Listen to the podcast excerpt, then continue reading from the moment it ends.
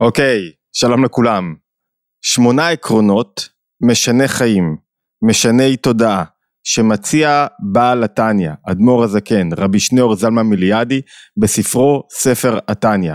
למי שלא מכיר, ספר התניא נכתב בלמעלה מ-40 שנה, הוא התחיל לכתוב אותו ב-1775, תקל"ה, וסיים 20 שנה לאחר מכן. הספר, ספר התניא, פורסם אמ, ב-1798 במהדורה של שלושה חלקים, כפי שאנחנו, פחות או יותר כפי שאנחנו מכירים אותו היום.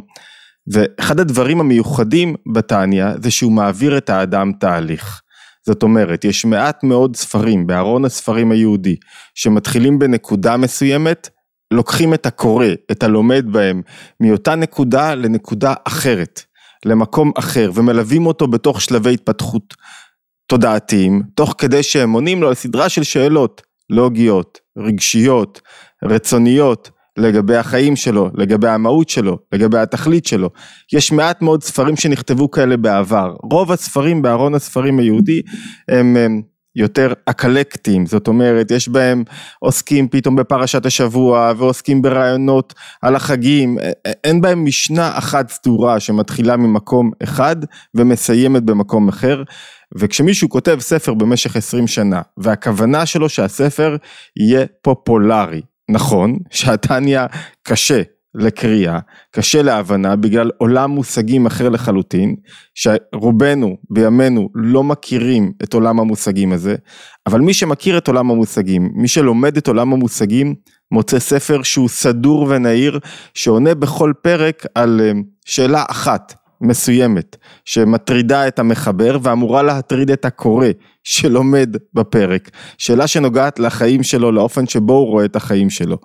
והשילוב הזה של ספר שהוא מאוד שיטתי ומנסה ליצור איזו השקפה רחבה על תורת הסוד, על פנימיות התורה, על, על מהות החיים, על, פי, על, על הרובד הפנימי של החיים, על פי תורת הסוד, יוצר לנו ספר מלא חידושים ומלא רעיונות מרתקים. כשאני אומר חידושים, הרעיונות היו קיימים בארון הספרים היהודי קודם לכן, אלא זה שרעיון קיים, זה לא אומר עדיין שהוא התבלט. כשאני יכול לשמוע משהו ממישהו, שמעתי אותו אומר את זה, שמעתי איזה מרצה מסוים אומר רעיון, אבל עדיין הוא לא נקלט בי, עדיין הוא לא מורכר ולא הודגש. הוא היה רעיון שנבלע בתוך מגוון של רעיונות, אמרה שנבלעה בתוך מגוון של רעיונות אחרים. כדי שהרעיון יהיה דומיננטי, אני צריך שמישהו ימרקר אותו, ידגיש אותו עבורי ויגיד לי, תשמע, זה, זה הרעיון המשמעותי, זה הרעיון שישנה את חייך, תאמץ את זה. ואדמו"ר הזקן קורא לספר שלו בסך הכל ספר ליקוטים, ליקוטי אמרים. רק ליקטתי כל מיני רעיונות, אבל כל מי שלומד בספר רואה עד כמה הספר יוצר מבנה שונה, חדשני, של תפיסת החיים היהודיים. היום, בדיעבד, כשמישהו כבר מכיר את, אה, את החידושים שבתניא, זה, זה נראה לו, כאילו, איך אפשר לחיות? איך אפשר להאמין? איך אפשר להתקיים בלי החידושים הללו? איך אפשר להתגבר על רגשות לא רוצים? איך אפשר לצמוח בלי לאמץ את החידושים הללו? היום הם נמצאים כבר בכל מקום, ואני רוצה בכמה סרטונים, סדרת סרטונים הקרובה, אולי שלושה, לשרטט כמה מהעקרונות היסודיים, החדשניים שבתניא. מראש אני אומר, יש עוד עקרונות, וגם הקריאה בתניא היא הרבה פעמים אינדיבידואלית, זאת אומרת כל אחד רואה את הדברים שהוא רואה, קריאה היא תמיד סובייקטיבית, אני קורא תמיד מזווית הראייה שלי, אותי מרתקת תורת הנפש היהודית ואני קורא הרבה פעמים מהזווית הזאת. סביר להניח שיהיה קורא אחר, שיראה חידושים אחרים בתניא, שאותו הם ירגשו וילהיבו ו- וידחפו אותו לשנות את חייו שלו. ובכל זאת, עדיין אני רוצה להציע את הקריאה הסובייקטיבית הזאת ולהצביע על כמה מהעקרונות לדעתי החשובים ביותר שנמצאים בתוך התניא. אמ, במקום לדבר על התניא, מי שרוצה יכול לקרוא על הרקע, על ההיסטוריה, על הספר עצמו, ההתפתחות וכולי בספר הפופולרי מאוד שהפך כבר לקאלט, לנצח כל רגע מחדש. אמ, והסדרת סרטונים הזאת היא לרגל, אמרנו, יום ההילולה. יום ההסתלקות של אדמו"ר הזקן בכ"ד טבת, אה, אבל היא רלוונטית בכל עת. אוקיי, בואו נתחיל, במקום לדבר על משהו, בואו נדבר את משהו, בואו נצלול ישר לחידושים עצמם. בסרטון הזה אני רוצה להציע שני חידושים מהותיים. האחד הוא התולדה, ודווקא להתחיל מהתולדה שנוגעת לחיים שלנו, והשני הוא העיקרון אולי החשוב ביותר בתניא, שהוא פחות נוגע לנפש, אבל עולים ממנו הרבה מסקנות נפשיות, מהותיות, משנות חיים. בואו נתחיל, מה, או, אתם יודעים מה, לפני שנתחיל, נזכיר לכם, התבוננות יומית, בכל יום עולה סרטון שנוגע לתורת הנפש היהודית, תצטרפו אלינו לערוץ, אנחנו מאוד שמחים בכך. אמ, מי שמאזין לאורך זמן לערוץ רואה את השינויים בחיים שלו, בהתבוננות שלו, בתודעה שלו, במערכות היחסים שלו, בשיפור הביצועים שלו, כמעט בכל תחום. למה? כי אין תחליף ללימוד משותף. אין תחליף ללימוד לאורך זמן. הרבה פעמים יש מקורות שעולים באתר התבוננות לצד הסרטונים, אז תצטרפו אלינו ותראו אהבה ב subscribe, מוזמנים גם להצטרף לקבוצות הוואטסאפ ולקבל עדכונים אה, יומיים. אוקיי, בואו נתחיל. החידוש הראשון של אדמו"ר הזקן, שהרבה לא יסכימו איתו, ואני יודע שעכשיו אתם, כשתשמעו אותו זה יהיה קשה לעיכול, הוא החידוש הכי קשה לעיכול, בייחוד למישהו ש... ש... מישהו, אין מישהו שלא מתמודד עם איזה אתגר רגשי כלשהו. והחידוש הזה הוא מעצבן אותו, כי הוא לוקח לו את המקום הישותי, את המקום שבעצם בא לו להיות קצת קורבן. אני, אני אומר מראש שאת כל החידושים הללו, מי שעוקב הרבה אחרי האתר הם הופיעו בסרטונים השונים, הופיעו בלימוד השונה שלנו לאורך הסרטונים ואנחנו עכשיו מציעים סוג של סיכום של התודעות, תודעה, המשנת חיים, החידושים משני חיים של אדמו"ר הזקן. אז החידוש הראשון זה שהוא מציע השקפה מהי תודעה שלמה או מושלמת. מהי תודעה מושלמת? בכל פעם שאני רוצה לייצר שינוי, אני צריך שלושה או ארבעה מרכיבים. המרכיב הראשון הוא, מהו האידיאל? איך אני רוצה שהדברים ייראו? לאן אני רוצה לקחת את עצמי? איך זה צריך לראות בסופו של דבר? ולמה זה כל כך חשוב לשרטט את האידיאל? כי בלי האידיאל, אני לא יודע לאן ללכת. בלי שאני יודע איך הדברים צריכים להיראות מבחינת החל מאימון בחדר כושר, דרך המפגש הזוגי שלי, ועבור לחינוך הילדים. אז אני חושב שהתאמצתי בחדר הכושר, אבל לא התאמצתי מספיק. אני חושב שאני יודע מהי זוגיות, ואני חושב שאני אוהב, אבל לא אוהב ולא בטיח. אוהב את עצמי הרבה פעמים, או לא רואה את בן הזוג, או לא יודע איך הזוגיות צריכה להיראות. אני לא יודע איך מגביהים את הילדים. ולכן אני מאמץ כל מיני עקרונות לגבי חינוך מכל מיני מקורות שראיתי או מהחינוך שאני קיבלתי ואני נופל פעם אחר פעם כי במקום להצמיח ולהגביה את הנפש של הילדים שלי אני מנמיך. איך הדברים צריכים להיראות עוזר לנו למה? לכוון אליהם, ליצור איזה מטרה. נכון, לפעמים האידיאל במקרה שלנו התודעה המושלמת היא קשה להשגה, היא רחוקה, היא דורשת מאמצים, אבל היא שם, היא מחכה לנו, יש איזה מטרה, יש כיוון, וכל פעם שאני סוטה ממנה, מתרחק מהאידיאל הזה, אני מבין, תשמע, אתה מתרחק מהאידיאל, אתה לא בכיוון שלך, אתה, אתה, אתה לא מאמץ את התודעה המושלמת, אלא בדיוק הפוך, תודעה שמזיקה לך, תודעה שהיא לא בריאה לי, תודעה שמאמללת את הסובבים של אותי. היכולת של אדמו"ר הזקן לשרטט תודעה מושלמת היא נסמכת על העיקרון השני שתכף נגיע אליו. אבל תודעה מושלמת עומדת ביחס לאיפה שאני נמצא כרגע. מה, הם, מה התודעה שכרגע אני אוחז בה? איך נראית הנפש שלי כרגע? איך נראים ההתמודדויות שלי כרגע? וכשיש לנו איך צריכה להיראות האידיאל, ויש לנו איך אני כרגע נראה, מה עובר עליי כרגע, מה הם מאבקי הנפש, מה הם ההתמודדויות שלי, מה שנשאר לנו להוסיף לתוך המערכת הזאת או ללמוד, זה איך אני עובר מהמקום שבו אני נמצא לתודעה המושלמת, אלו הכלים בעצם שיש ברשותי, והעיקרון השלישי שאפשר, הרביעי סליחה, שאפשר למנות אותו בתוך העיקרון הראשון, זה נכון, יש איזה אידיאל, האידיאל הוא שם, אבל מה אני יכול להגיע?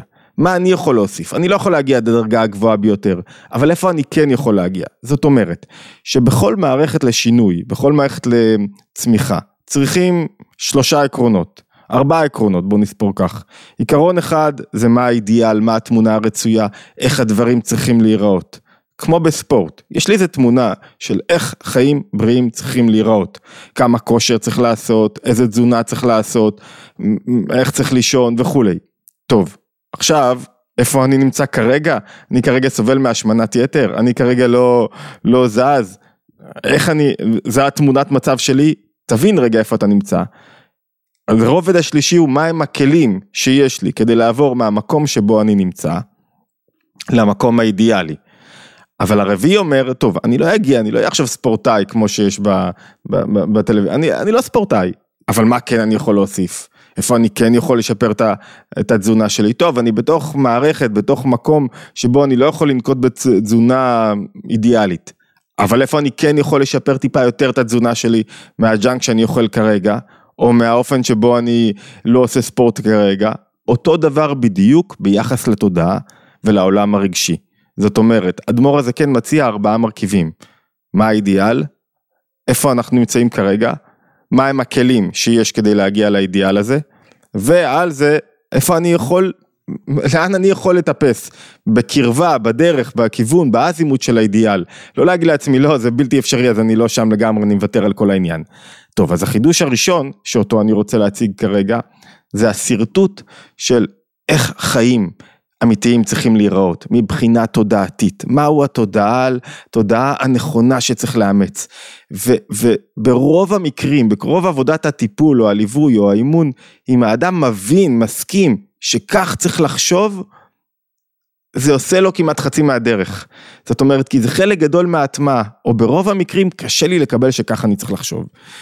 קשה לי, קשה לי לקבל את זה, כי זה לא יכול להיות. מה, אני לא יכול להיות במקום של עצבות, או כעס, או חרדה, אלה רגשות טבעיים שבי. בואו נשרטט רגע, מהו אותו, אה, מהי אותה תודעה מושלמת, ולמה. אני, אני מערבב כאן שני עקרונות, אני אגיע תכף ללמה, הלמה זה היסוד של כל התניא. הלמה זה היסוד המרכזי, אבל אנחנו קודם כל הולכים לשינוי עצמו. למה השינוי עצמו קודם ללמה? כי זה בעצם מה שאדמו"ר הזה כן עושה בספר שלו. הוא מקדים את החלק הראשון בתניא והופך אותו לשני ולוקח את החלק השני והופך אותו לראשון. החלק השני עוסק בלמה, החלק הראשון עוסק באדם עצמו. החלק הראשון אחרי שהוא יצר את השינוי ואת ההיפוך. כי יותר חשב, חשוב לו בסופו של דבר המעשה, המעשה עצמו, השינוי התודעתי עצמו. אוקיי, אז מהי התודעה המושלמת? המקום שבו התודעה המושלמת מוצגת בצורה האופטימלית, הקיצונית ביותר בתניא, הייתי אומר זה באיגרת י"א שמופיעה באיגרת הקודש בתניא, למדנו אותה בערוץ הזה כמה פעמים ושם הוא אומר באיגרת הזאת, זו איגרת שהוא שולח לאדם קרוב אליו, שלא מצליח להתרומם, לא מצליח לצמוח, כי הוא מנסה, כאילו הוא מנסה כל מיני אה, וריאציות שונות של צמיחה שהן לא מביאות אותו למצב רגשי של התלהבות והתרגשות מהחיים, מהלימוד שלו, מהמקום שבו הוא נמצא. והוא אומר לו, אני, אני מתחיל מאמצע האיגרת, כמה משפטים ממנה, הוא אומר לו, מי שנמצא במצב של מתעצב, של עצוב, או סטרס, או כעס, או מתאונן, או שהוא אומר אוף איזה באסה, או שלא רואה את הטוב בתוך המציאות הזאת, או אם עולה על דעתו, כי רע לו, שהוא סובל, הוא אומר אוף איזה באסה, איזה קורבן אני, משום יסורים, מבני חיי מזוני, או משאר יסורים בעולם, הרי זה ככופר. מה זאת אומרת? מי שלא מצליח לראות את הטוב המקופל בתוך החיים. והאדמו"ר הזקן כותב את האיגרת הזאת באחת התקופות הקשות בחייו, בשנת תקל"ב, אם אני לא טועה, 1792, באחת התקופות הקשות בחייו, כשבו הוא מאבד את הבת שלו ובתוך שיא של מאבקים פנימיים בין מתנגדים לחסידים ברוסיה הלבנה, והוא אומר, אם אתה לא מצליח לאמץ את זווית הראייה של המציאות טובה לך, אתה מפסיד, אתה, ננסח את זה אחרת. המשימה של האדם זה לא לראות מה חסר לו, אלא לראות את המלאות של החיים שלו, לראות שכל רגע מהמציאות נכון עבורו, לגלות רגשות רצויים, רגשות רצויים זה לגלות מנוע רגשי שבכל זמן, בכל שלב, ללא תלות במציאות החיצונית, מניע אותו קדימה, מניע אותו לאהוב את החיים שלו. איך הוא אומר? להיות ראשית, ראשית הכל, שימו לב, שישמח האדם, ויגל, בכל עת, ושעה, ויחיה ממש, באמונתו בהשם, המחייב ומטיב עמו בכל רגע ורגע. זאת אומרת, גם אם האדם מקבל הרבה פחות ממה שהוא חשב שהוא מקבל, התודעה שלו צריכה להיות של שמחה, שמחה זה שמציאות מדויקת עבורי, שאני לא...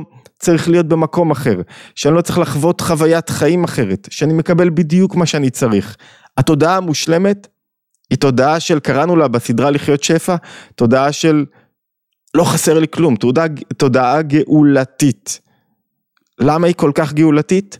כי היא מסמנת לי שאני בדיוק במקום שלי. והיא מסמנת לי שהמבנה, המצב הנפשי הנכון הוא של שמחה. המצב הנפשי הנכון הוא שאני לא אופניק, שאני מתגבר על הרגשות הלא רצויים שלי. רגשות לא רצויים, מה הם רגשות לא רצויים? רגשות הם בכלל מקום שבו אמרנו הקדוש ברוך הוא קצת מסתבך. למה הוא מסתבך? כי במקום שבו אני מרגיש מצד אחד אני חווה חוויית חיים, בלי רגשות אני לא חי את החיים. הרגשות הם אלו שיוצרים בי חוויית חיים משמעותית. אם אני לא מרגיש משהו, הוא לא קשור לעולמי. מצד שני, הרגשות, במקום שבו אני מרגיש, יש אני, יש יש. והיש זה היסוד לכל הרגשות הלא רצויים. כי במקום שאני ישותי, אני תמיד שואל מה קיבלתי, מה לא קיבלתי, מה מגיע לי, מה לא מגיע לי, ולכן היש מאיים מאוד על העולם הרגשי שלי. אז אדמו"ר הזה כן אומר, המשימה של כל אדם זה להביא אותו למקום שמצד אחד הוא מתרגש, והוא חי את החיים, והוא דבוק בהם, והוא ראשית הכל שישמח ויגל בכל עת ושעה, אין, אין, אין בבוקר כן, בצהריים לא, בכל עת ושעה, ואם הוא מתעצב או מתאונן, הרי זה ככופר. ולכן הרחיקו חכמי האמת מאוד מאוד את, את מידת העצבות. והמאמין לא יחוש שום יסורים. אדם שתפס את הנקודה שהאדמו"ר הזקן רוצה להציע, לא יחוש שום יסורים בעולם. וכל ענייני העולם, כל מה שהוא חווה, כל מה שהוא מתמודד, הן ולאו שווים אצלו בהשוואה אמיתית. לא משנה לו אם הוא קיבל סטייק או, או פרוסת לחם עבשה. זה, זה לא עושה אצלו רושם. מאיזה בחינה? ודאי שמבחינת בעלותו הריר שלי, אני מעדיף את הסטייק. אבל, או מי שטבעוני מעדיף את התזונה הטבעונית, אבל מבחינת ההרגשה שלי, אני לא חווה חוויית חסך, כישלון, היעדר, הפסד, חוסר נוחות, עצבות, באסה, סטרס. בגלל מה? בגלל שלא קיבלתי את הסטייק וקיבלתי לחם עבש, או לא קיבלתי היום אוכל. התודעה הזאת היא משנת חיים, כי היא אומרת בעצם שהאדם לא תלוי במציאות החיצונית שלו, בניצחונות הפנימיים שלו. המציאות החיצונית אין ולאו שווים עבורו בהשוואה אמיתית. המציאות החיצונית לא משתנה. זה אותה, מה זאת אומרת? המציאות החיצונית משתנה. המציאות החיצונית לא יכולה להשפיע על התודעה הפנימית שלי. תודעה של אושר ושמחה וקבלת החיים ואהבת החיים. והוא ממשיך פה לגלות את הטוב והעונג והעדן בחיים. ו, ולעומת זאת, כשאדם חי חוויה של רע לי, רע לי, יסורים, ואת רוב הרעות אנחנו גורמים לעצמנו. זאת אומרת, חלק גדול מה, מהשיח זה לסלק רעות שאנחנו גורמים לעצמנו, ממש במו ידינו, בין אם זה שאנחנו מכניסים את עצמנו לתוך סיטואציה מזיקה, ובין אם זה שאנחנו רואים את המציאות בצורה רעה, ובין אם זה שקרה לנו באמת משהו רע. ואני לא מצליח לראות את הטוב המקופל בו. לא מצליח לראות את ההזדמנויות המקופלות בתוך הקושי, בתוך ההתמודדות. אז הוא אומר, מה הוא אומר? מי שלא מצליח להשיג את התודעה המושלמת, אין מצב ניטרלי. או שהשגת תודעה מושלמת, וראית שכל מה שקורה לך לא אמור להשפיע על איך שאני רואה את החיים מבפנים. על, על חוויית החיים שלי נתונה רק בידיים שלי. זאת אומרת, ברעיון הזה של תודעה מושלמת הוא מחזיר את הבחירה, את האחריות. לאדם עצמו. הכל בידיים של האדם עצמו, נדבר עוד מעט על הבחירה באחד העקרונות, אבל הכל בידיים שלי, מבחינת האידיאל שאני יכול להגיע אליו. וואו, עכשיו כל מי שיש לו איזה קצת קושי, או קצת סובל מעצבות, או קצת מתמודד עם אתגרי החיים, בא לו להגיד לטניה, אוקיי, אוקיי, תודה רבה, תעזוב אותי, אתה גבוה מדי, זה לא רלוונטי לחיים שלי, זה לא, אני לא יכול להגיע לשם, אני כרגע בקרבות מאסף על לפתוח את העיניים בבוקר, על מה אתה מדבר איתי בכלל? איך אני יכול להגיע לאידיאל הזה? איזה ישמח ויגל כל ימי חייו ויתמודד עם הניסיונות ויגלה את העונג בכל דבר? על מה אתה מדבר? מה, איפה אתה, אתה יודע מה עברתי היום? אתה יודע איזה קשיים יש לי עם אשתי, עם הילדים, בבית? מה, מאיפה זה בא בכלל? קשה לי בכלל להתחיל להבין את הרעיון הזה של האידיאל. אני מזכיר לכם מראש, אנחנו משרטטים פה את האידיאל. זה לא אומר שכולנו נגיע אליו, זה אומר שיש איזה אזימוט. שאליו אדמו"ר הזקן רוצה לדחוף את האדם, שהוא קודם כל יסכים ויבין. והשאלה הגדולה היא, איך זה יכול להיות? איך זה אפשרי? להגיע לתודעה כזאת של שמחה מתמדת בלי תלות בעולם החיצוני, בלי תלות בתוצאות, בלי תלות במה שקורה לי, בלי תלות בנסיבות. הוא אומר באותה איגרת, אני מזכיר, המקורות יעלו לאתר התבוננות, מי שלא שווה אצלו כל מה שקורה במציאות החיצונית, זאת אומרת שהוא מעדיף את הסטייק על פני ה... ה... זה לא שהוא מעדיף את הסטייק, כולנו מעדיפים את הסטייק, אבל שאני מתבאס שקיבלתי את הלחם העבש, והלחם העבש והמנה הלא מוצלחת במסעדה היא זאת שהשפיעה על העולם הרגשי שלי, הרי הוא מראה בעצמו שהוא מערב רב, דלגרמהו עבדין, שכל חייו הם חיי אינטרסים, בלי שליחות, בלי תודעת שלמות. למה? כי עיקר בריאת האדם בעולם הזה, בשביל זה באנו לעולם, לנסותו בניסיונות, ולדעת את אשר בלבבו, לדעת מה קורה לו בלב שלו. ואם יפנה אחר אלוקים אחרים, שהם כל מיני הישות שלו. אמרנו הבעיה הגדולה ביותר של הקדוש ברוך הוא שכשהוא שם באדם את הרגשות הוא נתן לו להרגיש. כשהוא נתן לו להרגיש הוא נתן לו להיות יש. מצד אחד בלי להרגיש אי אפשר לחיות, מצד שני הסכנה העומדת מול רגשות לא רצויים זה שאני יותר מדי יש, וכשאני יש אז אני, יש לי אלוקים אחרים, אני הבעל הבית על המציאות שלי, המציאות החיצונית, הנסיבות, שולטים לי בעולם הרגשי שלי, ולא האמת שעומדת מאחורי המציאות. וזו השאלה הגדולה שאליה אני רוצה להגיע עכשיו, איך אפשר? מה זאת האמת שעליה אנחנו מדברים? איך אפשר באמת לחיות, לשמוח ו... ו... ולהיות בשמחה גדולה כל ימי חיינו? אנחנו עוברים לא מעט קשיים, טרדות, התמודדויות, משכנתה, לפעמים אנשים עוברים דברים קשים מאוד, אנשים שבורים מהמציאות, מה זאת אומרת? מה, המציאות קשה, אפשר לייפות אותה ככה, מה, מאיזה, מאיזה בית מרקחת הגעת לי? מה, איך אפשר? כאילו, חתיכת קשיים, כל אחד עובר, לפעמים סובייקטיביים, לפעמים אובייקטיביים, אבל ההתמודדות היומיומית היא לא תמיד פשוטה.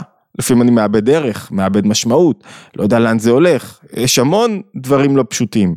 כאן אני מביא את החידוש השני, הגדול, של אדמו"ר הזקן, שהוא הראשון בעצם, הוא המשמעותי ביותר, ובגלל שאני רואה שהארכתי כבר, ואני יכול לדבר על התניא שעות, אז אני אשרטט אותו בקצרה, אבל הוא עומד ביסוד.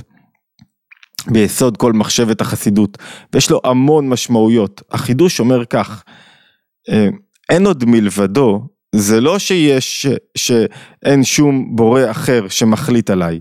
אין עוד מלבדו על פי הפרשנות של אדמו"ר הזקן בתניא, זה שאין מציאות אחרת מלבד מציאות הבורא. וזה כבר רעיון מהפכני שכשמגיעים אליו לעומק, הוא משנה את התודעה. הוא מוביל אותנו לאותה תודעה מושלמת, לחיים מושלמים, להבנה מושלמת של המציאות. מה זאת אומרת אין מציאות אחרת מלבד מציאות הבורא. כדי, תחזיקו רגע ראש, טיפה עמוק, יש שם עומקים אינסופיים, העמקתי ברעיון הזה בספר להכיר את הבורא, מי שרוצה. אמ, אחד הרעיונות המשמעותיים שהאדמו"ר הזה כן מבקש לשרטט, או שהיהדות משרטטת זה שהבורא הוא מושלם.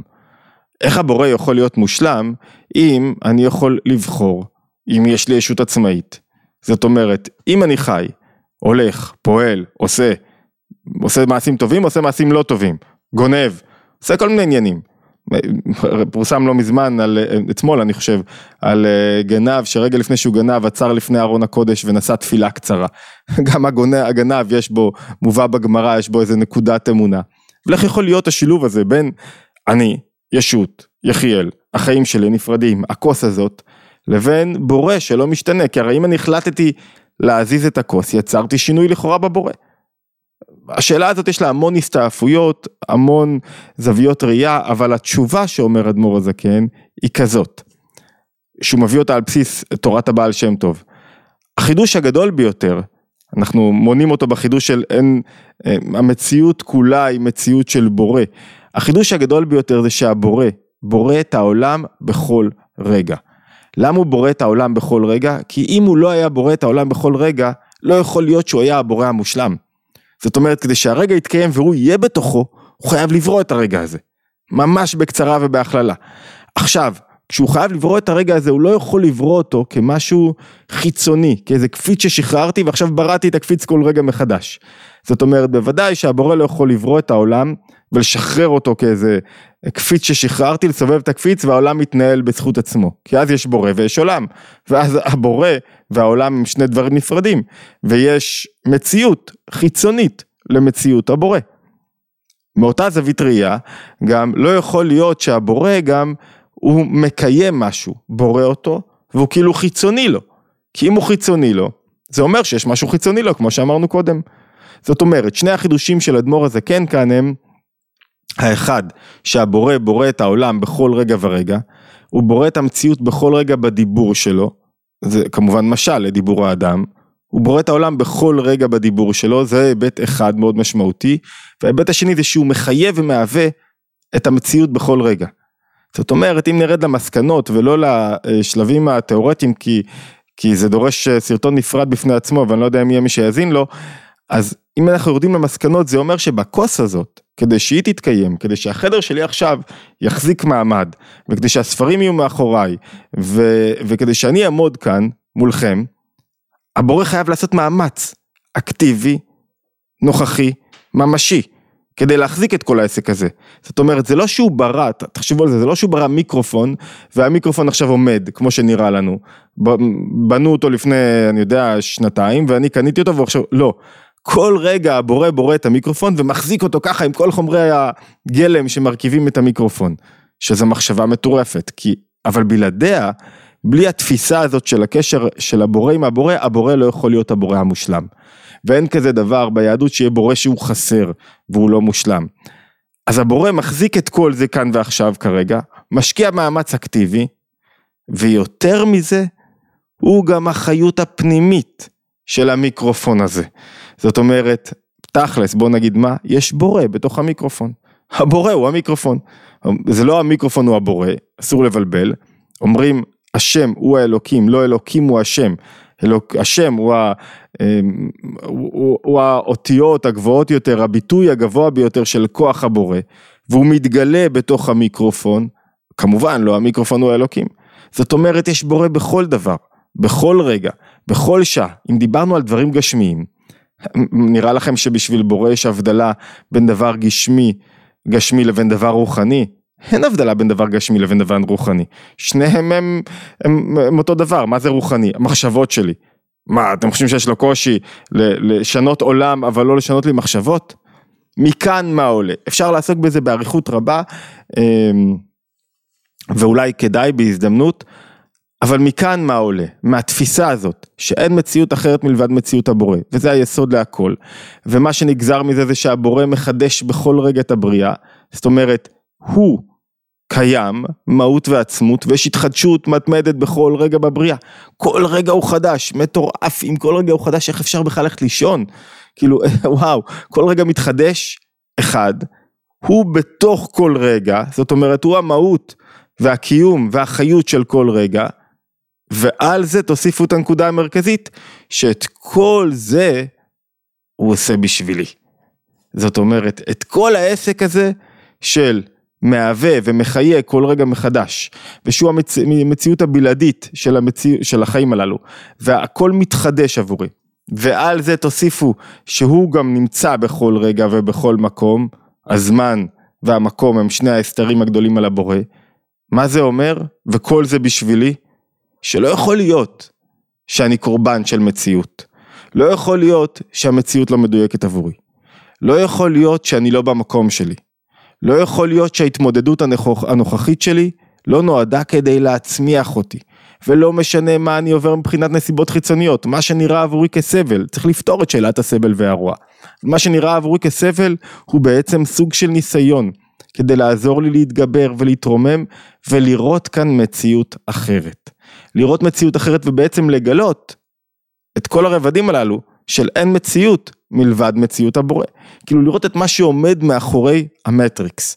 זה הרעיון, לקחת את הגלולה לא הכחולה אלא האדומה אבל במובן החיובי, ההבדל הגדול מהמטריקס, שכאן מאחורי המסך ההסתר יש בורא טוב, מטיב, אינסופי, שרוצה לעזור לאדם, להצמיח אותו, ובעצם האדם בעומק שלו, הוא חלק מהבורא.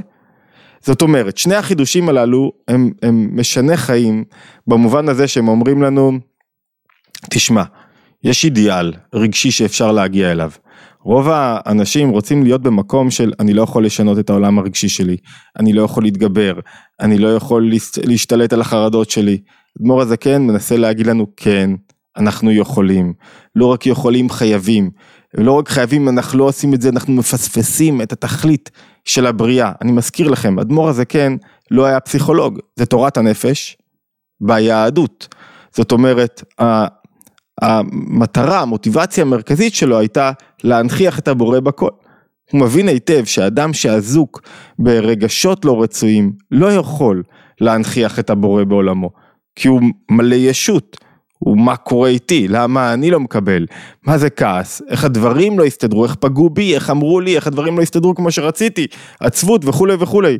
זאת אומרת, החידוש של כדי להנכיח בורא בתוך עולמו של האדם, אני חייב לעזור לו לפתור את העולם, את, לשנות לו את המבנה הרגשי שלו, לשנות לו את התודעה שלו, להביא אותו לידי תודעה מנצחת, זה מה שעומד בראש מעייניו של אדמו"ר הזקן. זאת אומרת, אם אנחנו מצליחים להבין איך נראית תודעה מושלמת, נצליח להגיע לזה רק אם נקבל את הנחות היסוד שהוא משרטט באריכות בפרקים היותר קבועים או בחלק השני בתניא שנקרא שער האיכות והאמונה. מסכם, שני חידושים משמעותיים, חידושי על, האחד, יש אופן שבו אנחנו יכולים לחיות את החיים, יש תודעה שלמה, תודעה שלמה היא תודעה לא קורבנית. תודעה לא קורבנית היא תודעה שבה האדם שמח בחייו. שמח בחייו זאת אומרת הוא מקבל את המציאות שלו כמקום, כמרחב פעולה לצמיחה, לעשייה, להצלחה, ל- ל- ל- להשגת הישגים, לעמוד בניסיונות, ובכל רגע יש מולו ניסיון. איך הוא רוצה לראות את החיים, האם הוא נמשך אחרי העוף, באסה, למה דווקא לי, או למקום גבוה יותר בנפש, איך הוא חווה את החיים שלו. אמרנו, החידוש השני שמאפשר בעצם להציג אידיאל שכזה, הוא תפיסת המציאות כמציאות של אין עוד מלבדו, אין מציאות אחרת מלבד מציאות הבורא. ואם אין מציאות אחרת מלבד מציאות הבורא, כל מה שנברא ברגע, נברא הרגע ובשבילי. אין כזה דבר שהבורא ברא פעם משהו וטעה בו, זאת אומרת בהשקפה היהודית. ולכן אם כל רגע נברא והוא נברא כרגע בשבילי, ראשית הכל, שיהיה שמח. ושש ושמח בכל עת ושעה ויחיה ממש באמונתו בהשם. ומי שזה לא קורה לו, מלמד שהוא מאוד אגוצנטרי, שהוא סילק את הבורא מעולמו. זאת אומרת, כל פעם שאדם נכנע לכעס, או לעצבות, או לחרדה, הרי זה ככופר, קשה מאוד לקבל את זה, אבל זה מאוד בינארי. אני כופר חצי מהיום, כל פעם שיש לי סטרס, אני סילקתי רגע את הבורא מעולמו, מעולמי, ואומר רגע, רגע, רגע, אני אמור להיות במקום אחר ולעשות משהו אחר ואיך פספסתי. תירגע, הכל בסדר, אתה אמור לעשות מה שאתה אמור לעשות. אתה צריך להתמודד באופן שאתה צריך להתמודד. זאת אומרת, סידרו לך בדיוק את הכישלון הזה בשביל שתצמח ממנו. עכשיו, השאלה שלנו, היינו בלשרטט, אני מזכיר לכם, את מהו האידיאל. האתגר המרכזי שלנו בסרטונים הבאים שקשורים לסדרה אה, החידושים משני החיים של, שמציע התניא, האתגר המרכזי הוא מה? האתגר המרכזי הוא לשאול את עצמנו, איפה אני נמצא כרגע? למה אני לא מצליח להגיע בכלל למקום הזה? איפה, כמה זה רחוק ממני? איך אני, איפה אני, מה, מה קורה בתוכי כרגע שהוא כל כך רחוק מהאידיאל התודעתי שמסרטט בעל התניא? זה האתגר ה, ה, השני, והאתגר השלישי שאנחנו נציב זה איך אני מגיע, מהם הכלים, מהם דרכי העבודה שיש לי. כדי להגיע מהמקום התודעתי הנמוך שלי, מהעולם הרגשי, מההתמודדויות שאני חווה, למקום שאליו אני צריך להגיע, לאידיאל, והמהלך הרביעי הוא, רגע, רגע, רגע, רגע, רגע, זה קצת קשה, זה קצת גדול, נכון שנתת לי כלים, בוא נראה, לא הגענו לשלמות שאני שמח בכל רגע ובכל שעה ושש ושמח ומאמין במציאות הבורא בכל רגע, זה קצת גבוה בשבילי. בוא רגע נבנה תוכנית אישית ונראה איך אני יכול טיפה יותר להיות שמח. איך אני יכול במקום 24 שעות, 6 שעות ישן, אבל, אבל שאר הזמן אני מצוברח, איך אני יכול להכניס יותר רגעים של שמחה, ויותר רגעים של לתפוס את הנקודה, ויותר רגעים של מעט מהתודעה המושלמת לתוך מציאות חיי להחדיר אותה. עד כמה זה אפשרי? איך אני יכול טיפה יותר לתקן כמה מערכות יחסים? לא את כולם, אבל עוד היבט כזה או אחר. זאת אומרת, ההיבט הרביעי זה מה התוכנית האישית שלי שתרים אותי קצת, וכל יום יותר קצת, מהמקום שבו אני נמצא כרגע. איך אני משתפר עוד קצת. אוקיי, אז עד כאן זה היה החלק הראשון בשישה, בשמונה חידושים משנה חיים שמציע טניה, מנינו שניים, מוזמנים להצטרף לערוץ, מאוד חשוב לנו ואנחנו מאוד נשמח, אה, בערוץ ביוטיוב, גם בספוטיפיי אפשר. אה, להשתמע בהתבוננות היומית הבאה ואמרתי שאפשר לקבל עדכונים אה, תמיד בקבוצות הוואטסאפ, יש לינק בתוך הסרטונים למעלה למטה, תודה ולהשתמע.